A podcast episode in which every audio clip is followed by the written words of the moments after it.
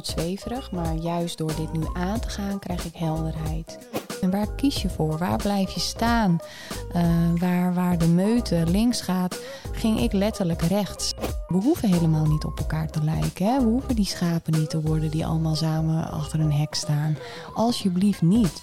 En dan komen ze eigenlijk in een, een of andere poppenkast terecht, waar niemand de waarheid vertelt. Uh, waar er allemaal regeltjes worden opgelegd wat zo niet strookt met onze natuur. Welkom tot de podcast De Vergeten Groepen, waarin we ons voornamelijk richten op de jongeren en hun ouders met verschillende belangrijke onderdelen van opvoeden en ontwikkelen. Parenting. Dit relateren we dan aan de maatschappij, hoe ze zich heeft ontwikkeld en hoe die zich zal kunnen ontwikkelen en wat wij eraan kunnen doen. Vandaag zitten we bij Anne Wil. Uh, Anne Wil is eigenaresse van I Am Healing. En ja, dat is een heel interessant onderwerp trouwens. Dat, uh, dat weet je al dat ik dat vind. Hè? Over van, uh, dat je verder gaat kijken van wat, uh, wat er zich nou allemaal afspeelt. Um, ja, eigenlijk hoe ben je dit zo begonnen en waarom I Am Healing? Wat houdt het precies in? Ja, nou, allereerst fijn dat je hier bent. Ja, en fijn je. dat we hier samen zo zijn. Um, ja, I Am Healing ben ik eigenlijk zo'n nou, twee jaar geleden ben ik daarmee gestart. En daar is wel heel iets, uh, heel wat werk aan vooraf gegaan. Uh, als klein meisje had ik last van uh, veel onverklaarbare klachten. veel spierkrampen. omdat ik vrij lang was toen al voor mijn leeftijd. Hè, werd het gegooid op groeipijnen. Um, nou, ik had heel vaak last van mijn darmen, uh, mijn maag. Um, dus wat je dan doet, hè, je gaat op zoek uh, om zoiets te, te verhelpen. En uiteindelijk, uh, ja, de westerse geneeskunde, ja, die heeft er eigenlijk uh, toen voor gezorgd dat het alleen maar ging over symptoombestrijding. Hè? Dus, oh, ja. jij, jij hebt krampen, oh, je hebt last van je tenen, hè? Die, die, die stonden heel verkrampt. Nou, als we die breken, dan staan ze weer recht en dan kan je weer lopen. Terwijl het eigenlijk zo'n verkramping in mijn hele systeem is geweest. En het werd van buitenaf verholpen. Dus er werd eigenlijk niet verder gekeken. Er werd niet gekeken naar de oorzaak. En zo ben ik eigenlijk nou, in een zoektocht uh, beland naar heling. En ook uh, omdat ik heel erg gevoelig ben, kon, ik heel lastig aanvoelen van wat is van mij, wat is van de ander. Ik heb een rol in, in het gezin gehad dat ik altijd de, de zorger was hè, voor mijn ouders, voor mijn broer. Uh, de, de, de sfeer uh, goed willen houden. Dus eigenlijk alleen maar de focus op de buitenwereld, wat er eigenlijk voor zorgde dat ik heel veel emoties vasthield in mijn lijf. En op dat moment, ja. En hoe oud was je toen je dat realiseerde eigenlijk bij bij je thuis? Um, dat, dat, dat ik zo'n rol aannam in het ja, gezin. Ja, dat je op een gegeven moment, of uh, dat heb misschien realiseerde je pas later, maar realiseerde je ook wanneer je daar dat bewust ging doen thuis? Ja, eigenlijk al op jonge leeftijd. Dat het echt een soort van uh, uh, sport werd om, om, om de sfeer thuis goed te houden. Ik was alleen maar gefocust van gaat het goed met mijn moeder? Gaat het goed met mijn vader? Gaat het goed met mijn, mijn broer? Uh, dus je was jezelf continu aan het weggeven. Dus je, je neemt een bepaalde rol aan. Uh, wat vanuit de basis natuurlijk niet gezond is hè, voor jouw welzijn. Dus die uh, fysieke klachten die zich bij mij uiten, dat was eigenlijk gewoon al een uh, emotionele disbalans wat op jonge leeftijd is ontstaan. Um, dus op het moment dat je dan in een ziekenhuis terechtkomt, hè, die geven je labels van nou, hè, mevrouw, u, u mag hiermee leren leven. Of hè, ik heb heel erg veel last gehad van mijn bekkengebied. Uh, op hele late leeftijd ook pas uh, een menstruatie gekregen. Um, en dat hield eigenlijk in. Ik hield daar zoveel spanning vast. Mijn systeem was zo overstrest dat ik, uh, uh, dat, dat ook niet in balans was. En wat werd er in het ziekenhuis gezegd? Van nou ja, hè, ga maar aan de hormonen. Of uh, ga maar hiermee leren leven. Houd er rekening mee dat er geen kinderen kunnen komen. Nou, dat soort dingen. En op dat moment voelde ik in mijzelf van nee, en hier stopt het nu. Ehm, ik ga een andere weg bewandelen. En zo zijn de osteopaten op mijn pad gekomen, acupuncturisten, uh, de healers, uh, hè, de reiki-behandelingen. En dat heeft mij stapje voor stapje steeds meer weer in verbinding teruggebracht naar mezelf. En heeft ook bepaalde patronen en gedragingen uh, blootgelegd in mij, wat ervoor zorgde dat mijn hele uh, systeem zo uit balans is geraakt. Dus het is echt een weg terug uh, uh, geweest om heling te vinden. maar daardoor eerst in verbinding te komen met mijzelf. En op mijn 27ste stond ik eigenlijk op, op een punt dat ik dacht: ik heb alles nu wel geprobeerd. Maar ik kon niet verder. Mijn lijf werd wel, hè, het werd allemaal wat rustiger en zachter in mij. En de pijnen werden minder. Maar ik voelde een soort van uh, ja, urge in mij van uh, er is meer. En ik mag los van het leven wat ik nu aan het, aan het leiden ben. Uh, hè, of ik een soort van strak duikerspak aan had. Hè, uh, wat eigenlijk niet meer paste. Hè. Ik, ik, mocht, ik mocht groeien, ik mocht de, de wereld in. En ik, ik, ik uh, ja, had een, een, wereld om mij heen gecreëerd... wat eigenlijk niet meer helemaal paste bij mijn zijn. Maar ik wilde het wel krampachtig vasthouden. Dus toen zijn er een aantal plantmedicijnreizen op, op mijn pad gekomen... Uh, waaronder uh, ayahuasca. Uh, en dat is eigenlijk een, een, een, thee wat gebrouwen wordt vanuit planten in het Amazonegebied in Peru. En die zorgen er eigenlijk voor dat je middels je onderbewuste heel duidelijk je zielentaak helder krijgt. En met mijn zielentaak bedoel ik eigenlijk dat we allemaal een unieke frequentie, een unieke ehm, kwaliteit dragen die wij in dit leven mogen beleven. Maar daar zijn we natuurlijk van een jonge leeftijd al van afgesneden uh, geraakt. En, in die, in en hoe komt dat dan, dat je daarvan afgesneden wordt? Hoe gaat dat dan eigenlijk? Nou, uh, hè, je, als kind sta je heel erg open en ben je nog helemaal in verbinding Uh, met de bron. En met de bron bedoel ik, dan, dan, dan sta je zo open en dan ben je niet bezig met, met de verwachtingen van anderen. Dan, dan ben je gewoon en dan speel je. Maar al op jonge leeftijd moet je keurig in de maat lopen hè? En, uh, naar je klasje. En je moet leren rekenen en schrijven. En als dat niet goed genoeg gaat, dan moet je nog een stapje harder. Uh, terwijl het kind eigenlijk gewoon wil beleven en wil dromen en wil uh, ervaren. Dus op dat moment wordt, wordt er al een stukje van jouw ziel in het donker gezet. Het is er nog wel, maar je kan er niet meer bij. Ja. Um, en dat, ja, dat, dat vervolgt zich de rest van je leven eigenlijk. Hè? En uh, uh, daar hebben we het ook al over gehad. Je, komt, uh, je staat als een heel mooi kleurrijk vlindertje voor die deur. En je loopt acht jaar later loop je die basisschool uit. En uh, ja, er zit geen kleur meer aan, want je bent in een malletje gegoten wat uh, nou eenmaal goed zal werken in deze maatschappij. Terwijl je dan helemaal vergeten bent van waar liggen mijn kwaliteiten nu eigenlijk. En als kind zijnde ben je daar dan ook helemaal niet bewust van. Dus dat was bij mij ook heel erg gaande. En na die ayahuasca-reis heeft zich dat allemaal in mij geopend. Van Anne Wild werd heel duidelijk, je mag mensen gaan helen. En helen op een manier om zichzelf weer uh, terug te brengen in verbinding. Waar liggen mijn grenzen? Waar liggen mijn behoeftes? Waar, waar gaat mijn hartje sneller van kloppen? Waar ben ik van nature goed in? Uh, maar ook op energetische laag gaan kijken. Uh, als mensen bepaalde klachten ervaren. Hè, dat we dus, dat dus niet kiezen voor symptoombestrijding.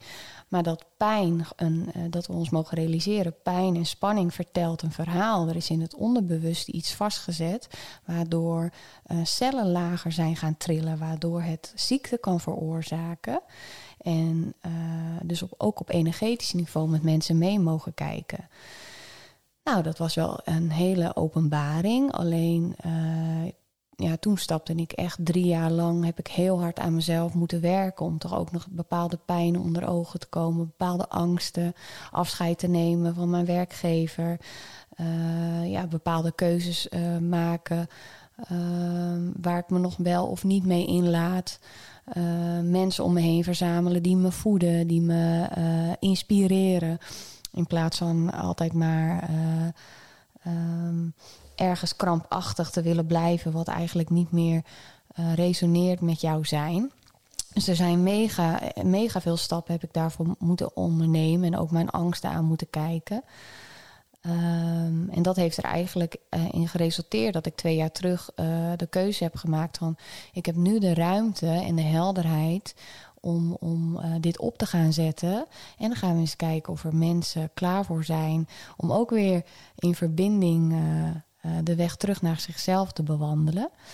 En ja, nu zijn we twee jaar later en ja, ik geniet er nog iedere keer van, van dit mooie, dankbare werk. Ja, leuk. Leuk om te horen. Ja, ja. heel veel mensen uh, ja, zullen het ook een beetje zweverig vinden. Ja.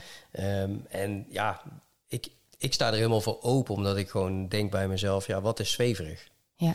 De reden waarom het zweverig is, omdat het niet in verband staat met hetgene wat wij natuurlijk allemaal volgens een bepaald, bepaald patroon hebben geleerd. Ja. En daardoor wordt het al snel zweverig. Maar toen jij dit begon, hè, toen op een gegeven moment heb je jezelf ontwikkeld. Uh, toen ben je I Am Healing begonnen. Um, maar um, hoe kwam je eigenlijk, hoe, hoe, kwamen de eerste mensen binnen? En hoe, wat voor soorten uh, mensen kwamen als eerste binnen?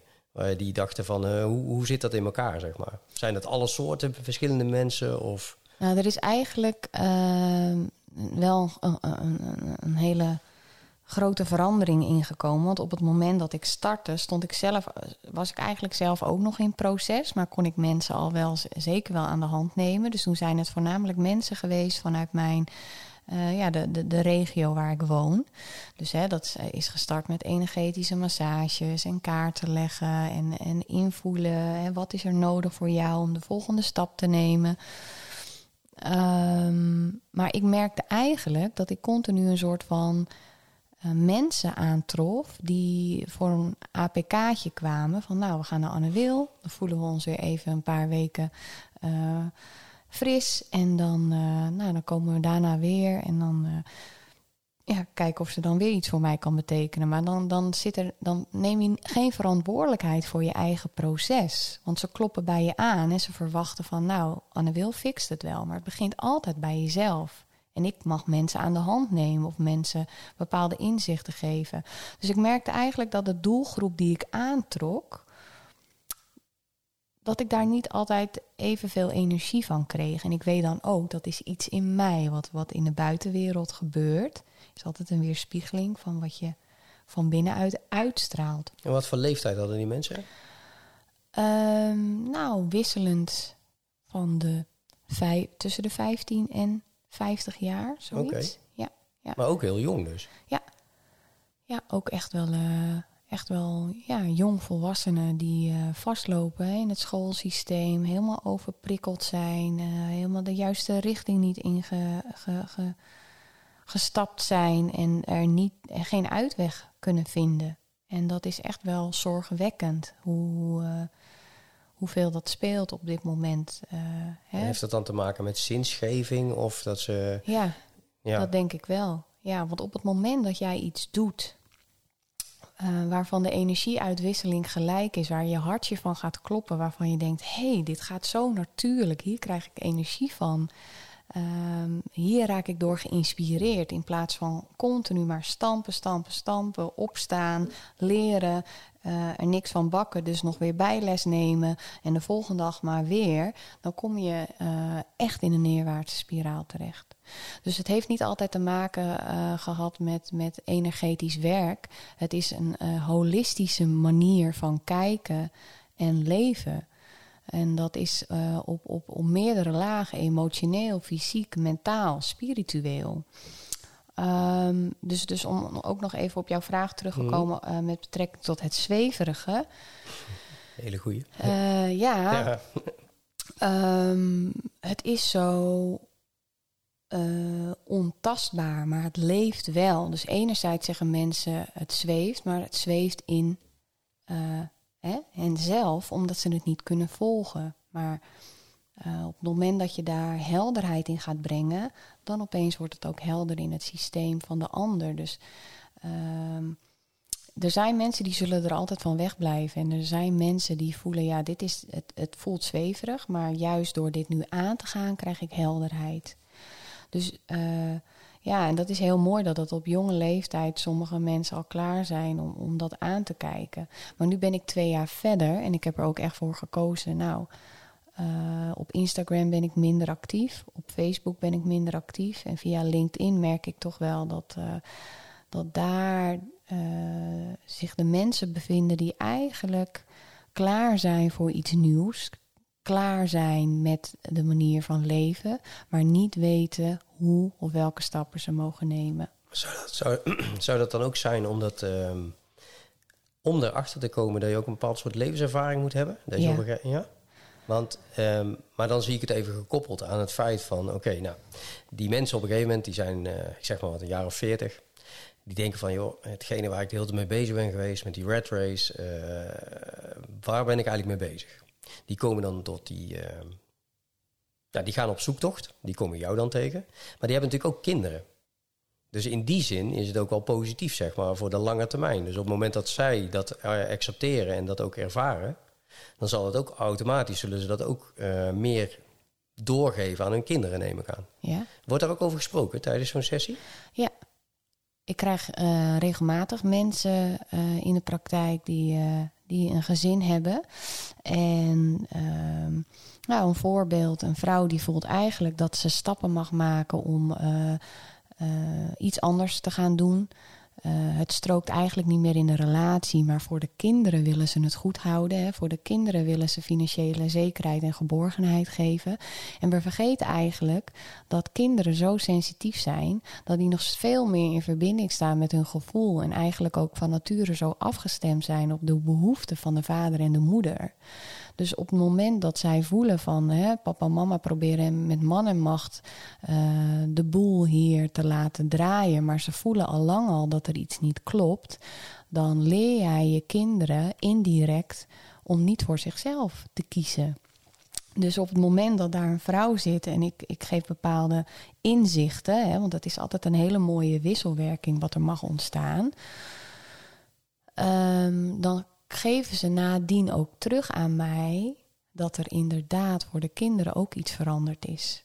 Hè? Uh, of, of een man die, die dan bij mij voor een sessie was en voelde dat zijn innerlijk kind continu niet gezien werd. En met innerlijk kind bedoel ik het kleine jongetje of meisje van vroeger die nog voortleeft uh, in jou als volwassene en die zeker wel de overhand kan nemen.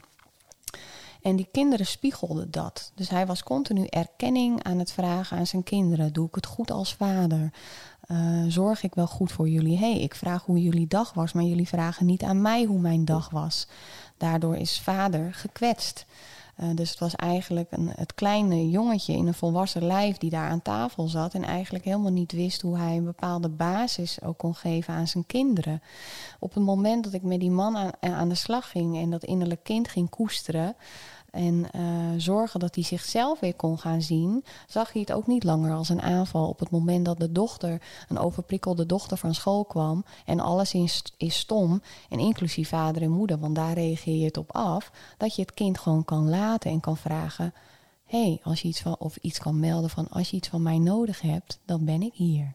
En dan verandert het en dan geef je het kind ook de ruimte om helemaal zichzelf te, uh, te, zijn.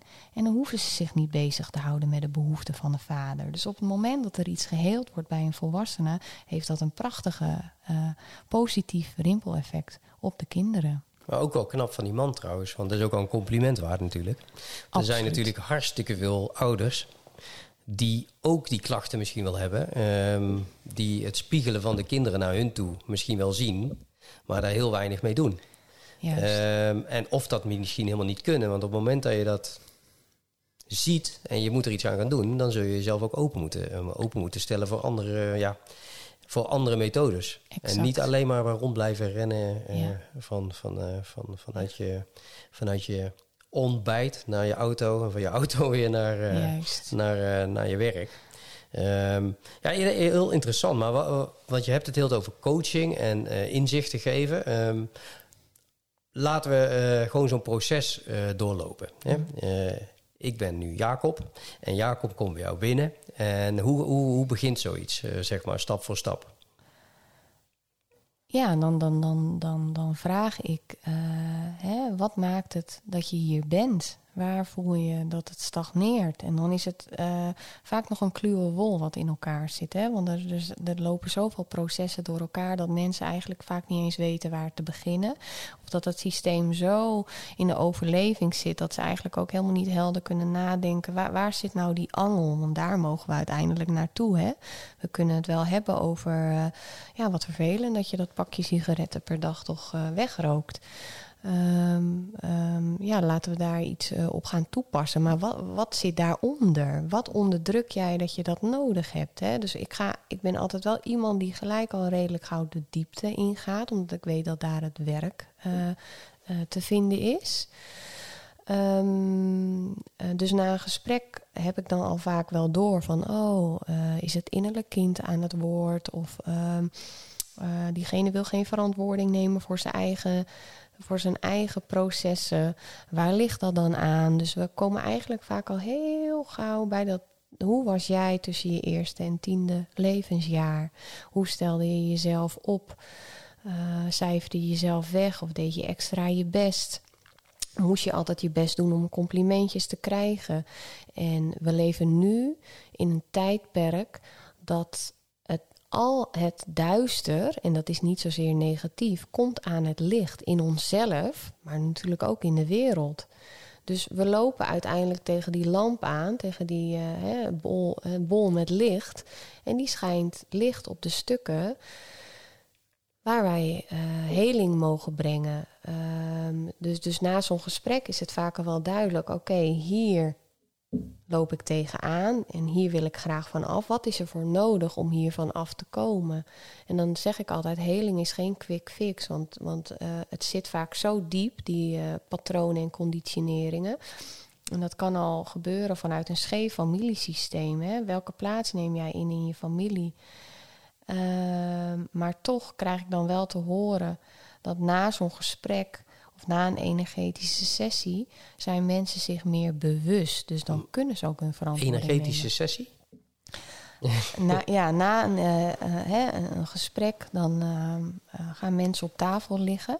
En dan kan ik vaak waarnemen waar er bepaalde stagnaties plaatsvinden in het lichaam. En met stagnaties bedoel ik eigenlijk spanningen of emoties die je al voor langere tijd vast hebt gezet in je emotionele lichaam. Dus waar komen de emoties binnen en wat zich uit in jouw fysieke lichaam. Dus door middel van reiki, hè, energetische handoplegging, maar ook lichaamswerk. En met lichaamswerk bedoel ik echt het energy pulsing, dus het lijf in beweging brengen met een zachte trilling. Dan kan er eigenlijk spanning ontladen. En met spanning ontladen, dat is ook vaak emoties. Dus vaak mensen die heel veel, ik voel bij heel veel mensen druk op de borst verkramping rondom het hart. Dat heeft één te maken met je leeft niet vanuit je hart. Je draagt iets op je hart. Hè? Dat zijn ook al die mooie spreekwoorden. Um, je, je, je, je, hebt zo'n stressvol bestaan. Het, het, het, het slaat je letterlijk om je hart.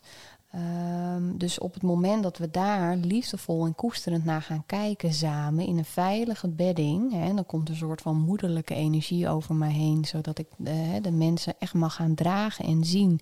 Want dat hebben we in essentie zo nodig om, om, om verzachting te brengen in, uh, in onszelf. Dan gaat het opeens stromen. Dus dan. Uh, voel ik een soort van vibratie. Dan, dan gaat het van, van, van stagneren gaat het naar expanderen. En dan komt er weer ruimte in jou. Waardoor die angsten of die druk op de borst uh, niet langer de overhand neemt. Dus mensen komen vaak lichter van tafel, waardoor ze ook weer helderder na kunnen denken. En vanuit daar ook veel beter hun grenzen en behoeftes aan kunnen geven. Dus dat is eigenlijk wat hele van binnenuit is. Wat maakt het dat jij zo uh, op je plek blijft zitten waar je nu zit? Wat houdt jou daarin tegen? En dat zijn heel veel lagen. Dus daarom zou je er in zekere zin op het moment dat je er bewust van bent, altijd wel mee bezig blijven. Maar het is zo'n mooie springplank naar het begin van een lichter en fijner leven. Want als je kijkt naar de, je refereerde net naar uh, naar mensen jaar 1 tot en met 10, hè? Dat, ja. ze, dat ze in een gezin leven, et cetera. Um, weten ze dan ook direct eh, hoe ze zich op dat moment hebben opgesteld? Of is dat vaak van oké, de eerste sessie moeten ze daarover nadenken, want het is natuurlijk wel lang geleden ook voor heel veel mensen. Ehm, en als ze dat vertellen, ehm, kunnen ze dat ook wel snel verbinden aan bepaalde karaktereigenschappen of bepaalde rationele uitingen die ze op dit moment doen? Ja, de mensen die, die, die ik mag ontvangen, die kunnen toch al wel redelijk snel dat lijntje leggen.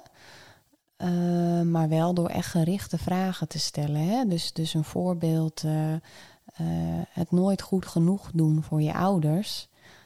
het altijd beter willen doen. Hè? Die opgeruimde kamer of je bordje keurig leeg eten of met een mooi cijfer thuiskomen.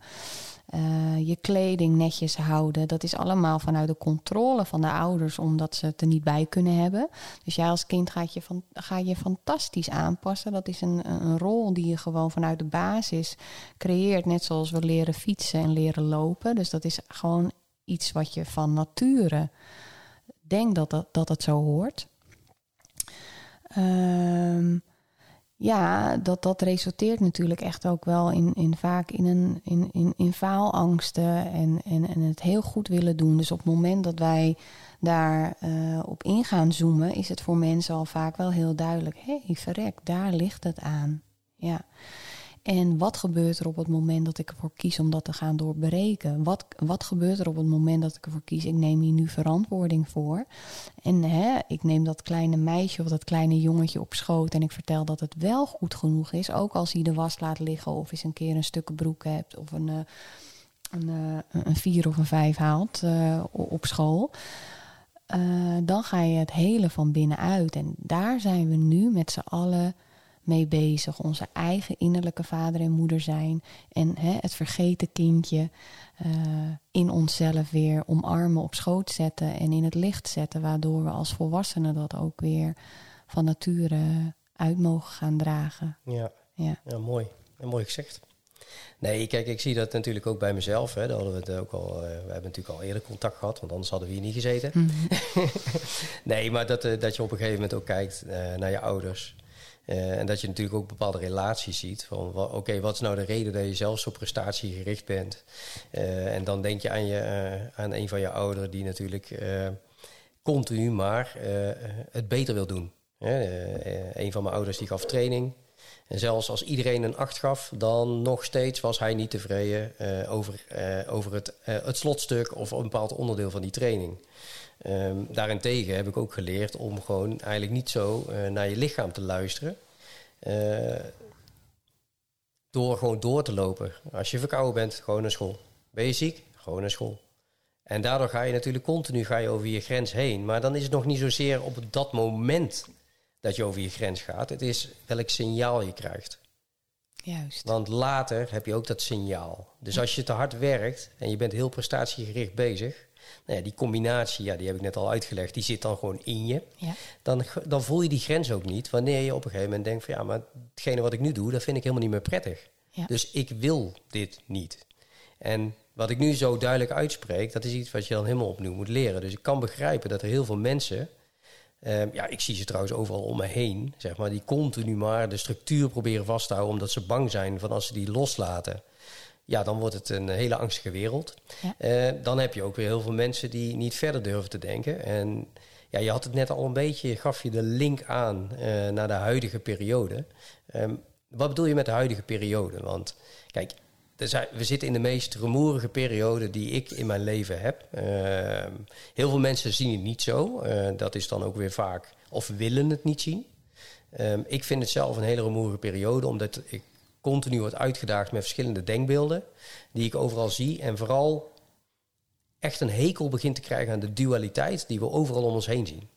En ja. ik denk dat dat ook een beetje refereert naar hetgene wat jij net zegt, maar of heb ik dat goed? Of uh, wat je net refereerde van oké, okay, de periode waar we, waar we nu in zitten. Het Ja. hervinden van jezelf. Juist. Ja. Ja, want wa- wat er eh, nu collectief in de, in, in, in de buitenwereld, in de wereld gebeurt, dat gebeurt natuurlijk ook in, in onszelf. Uh, wij mogen onze eigen schaduw aan gaan kijken en omarmen. Ehm, maar ook in de wereld komt alles los wat niet zuiver is, of wat niet klopt, of wat niet vanuit de juiste intenties door de goedheid van de mens uh, gedaan wordt. Dat wordt uh, nu toch wel zichtbaar. Dat is voor mensen zo. Ehm, heftig en intens dat er gewoon echt hè, die cognitieve dissonantie die is vol, volop gaande op dit moment. dus iedereen die, die ik, en ik zeg altijd ontwaken, dat is eigenlijk je bril van de illusie afzetten. Uh, hè, en uh, door die, dwars door de matrix heen kijken. En dat is eigenlijk het vangnet waar we met z'n allen uh, in vastgehouden worden. Ehm, ja, iedereen zal dat op zijn of haar manier en in zijn of haar tempo doen. Um, maar het is wel heel duidelijk dat die dualiteit, die tweesplitsing, die wordt nu steeds duidelijker.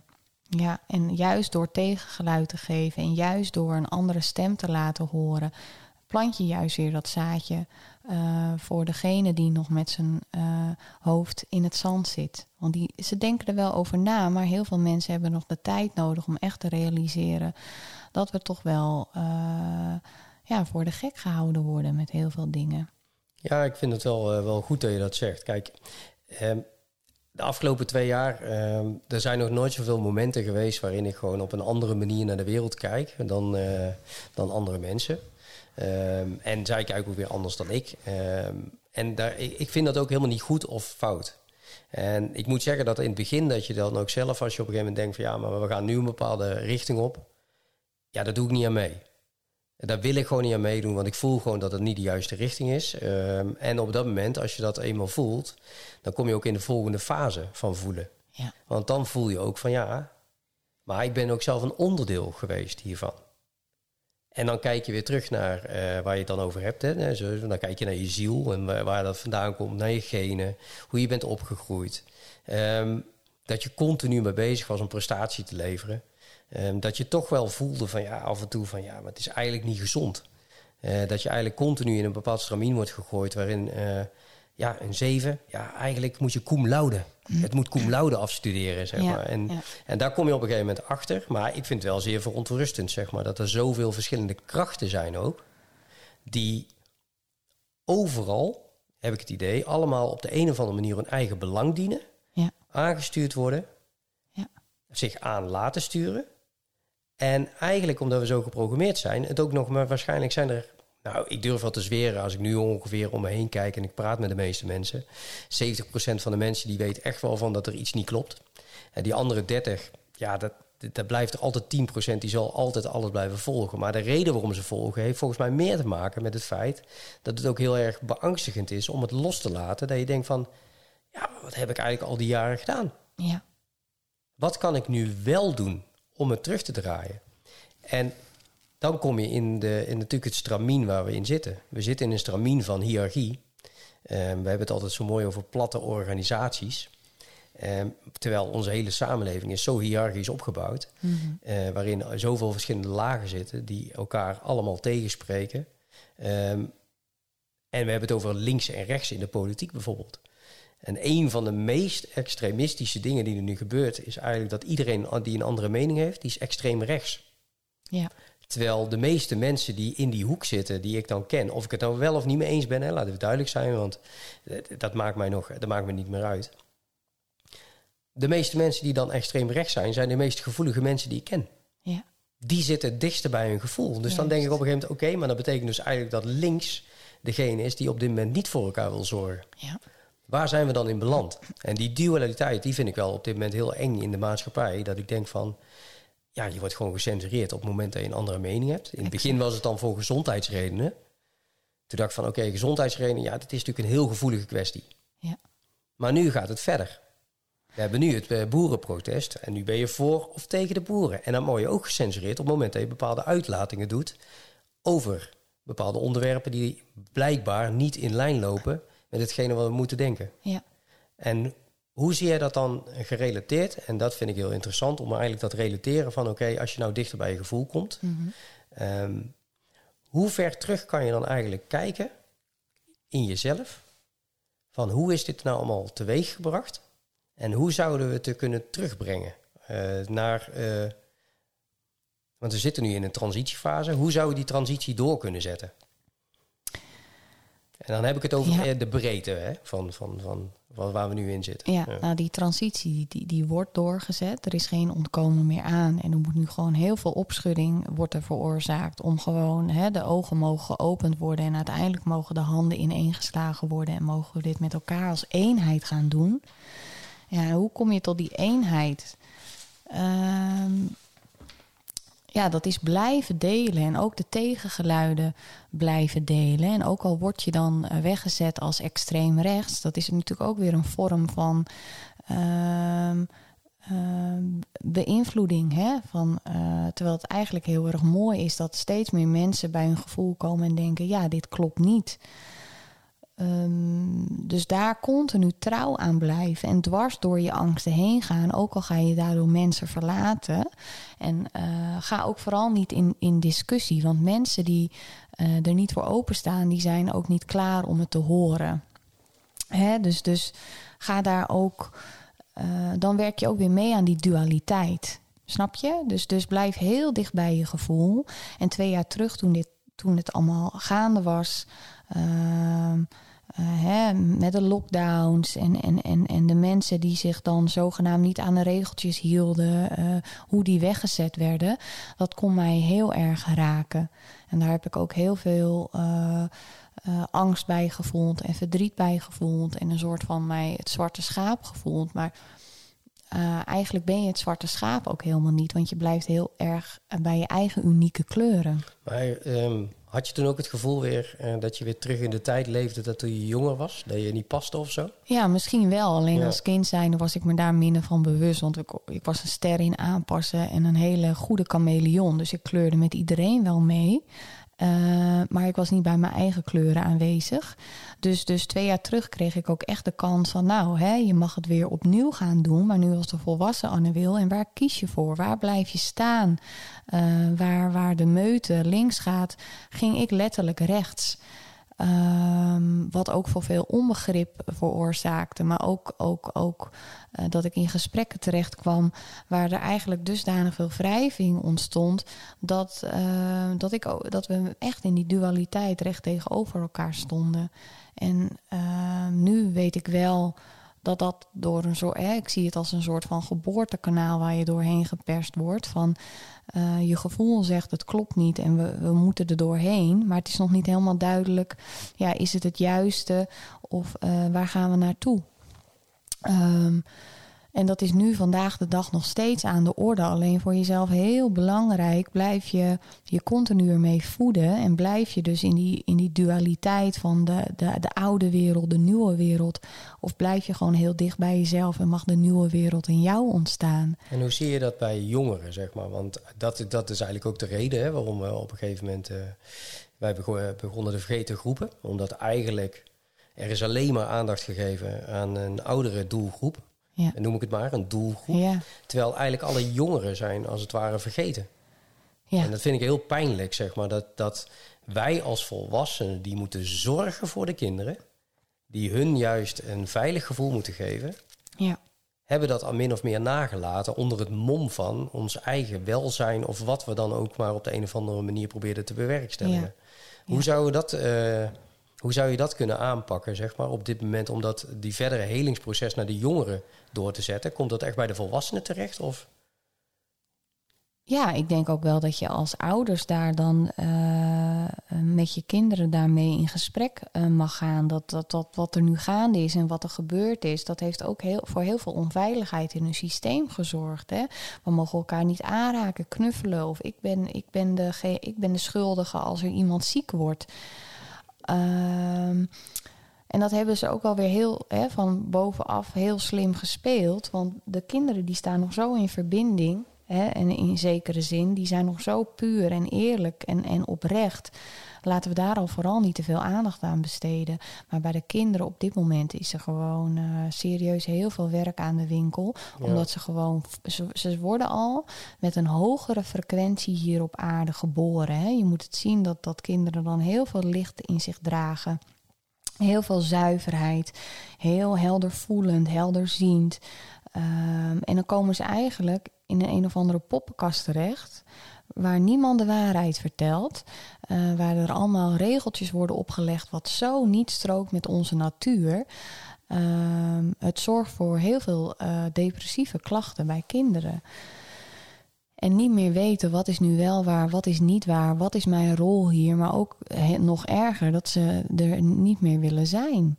Omdat het gewoon ehm, zo haak staat op wie, wie, wie wij in essentie zijn. En het, het voelt eigenlijk of dat ze iedere dag vrijwillig, dat, eh, nou niet vrijwillig, eh, dat ze het prikkeldraad ingeduwd worden van boem, ga er maar weer in staan. Maar dat, dat, dat, dat gaat wel zijn tol eisen. Dus die kinderen, enerzijds gaan ze het, het verschil maken in deze wereld. En anderzijds eh, ehm, hebben ze heel veel aandacht en zorg nodig. Ja, ik vind vooral, eh, kijk, je zit op een gegeven moment. Kijk, ik heb zelf geen televisie meer. Dat heb ik ook bewust gedaan. Hm. Eh, omdat ik al die beelden, zeg maar, die ik zag, die wilde ik niet meer zien. Nee. Omdat het allemaal wederom in de dualiteit zat. Eh, maar één beeld wat ik nooit meer kan vergeten is dat, dat er letterlijk een opa en oma die dan op hun veranda staan.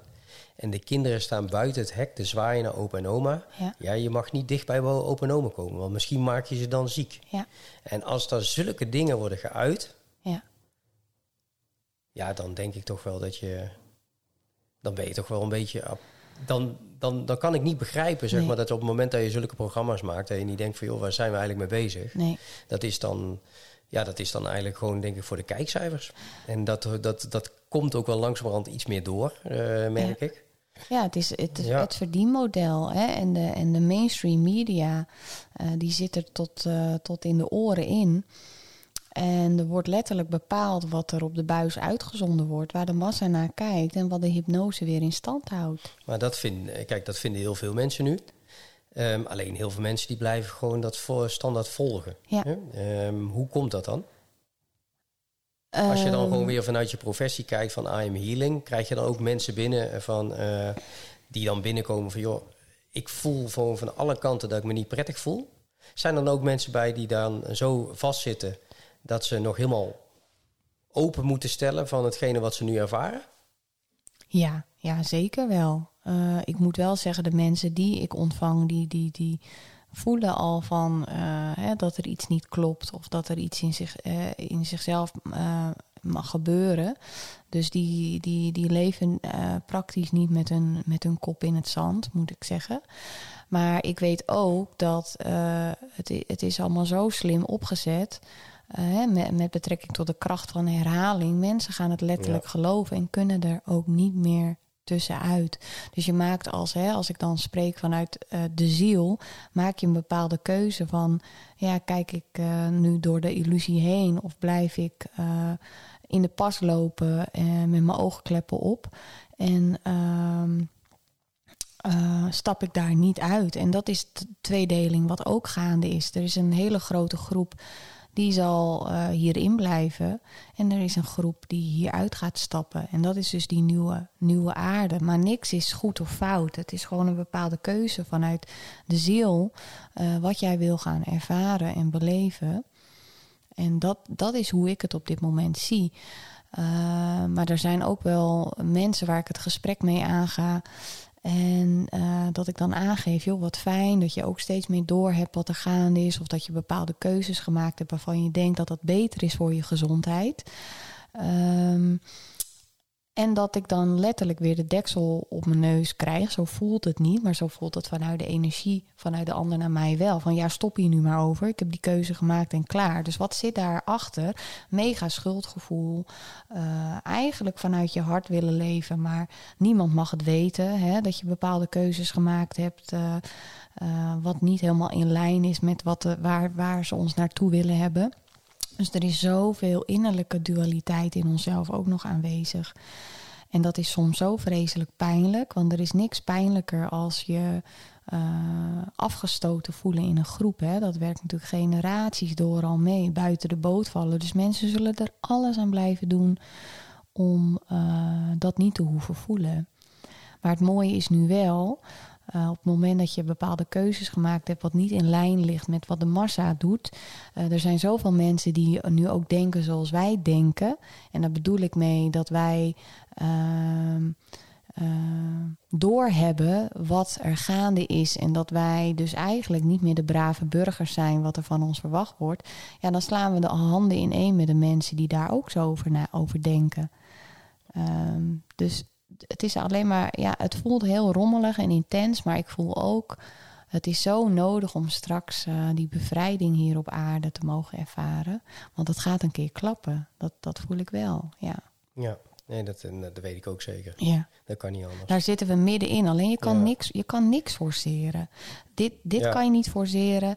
Eh, bepaalde processen in je leven kan je niet forceren. Ga er vooral niet aan trekken, maar laat het leven door je heen stromen en eh, alle ervaringen. En eh, ja, eh, hou je hoofd koel. Want ik denk nog wel dat het misschien nog wel even wat rommeliger gaat worden de komende tijd.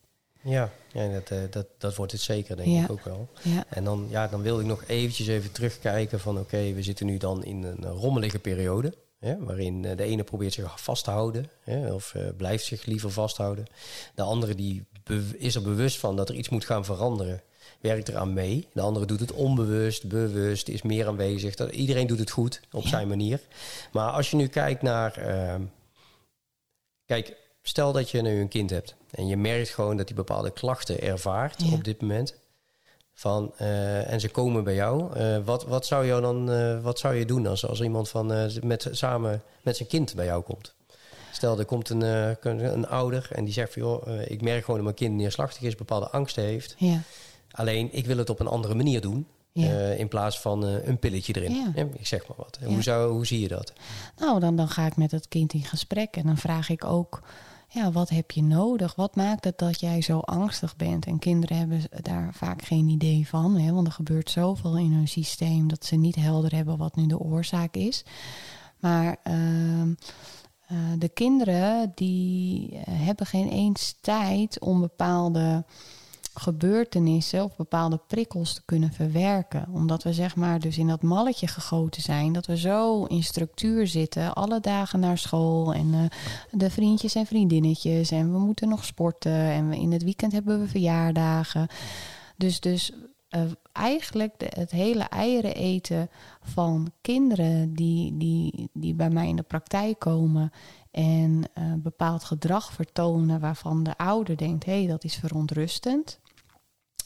Dan heeft het vaak altijd te maken met een overprikkeld zenuwstelsel. En ehm, mogen de ouders daar iets mee gaan doen? Dus hè, dat de ouders zeggen, nou, hè, als ze dan inschatten van, nou, de batterij is leeg eh, na een schooldag. Kom lekker thuis en dan even geen vriendjes of vriendinnetjes. Wat heb je even nodig? Heb, heb je even rust nodig op je kamer? Heb je iets nodig van mij?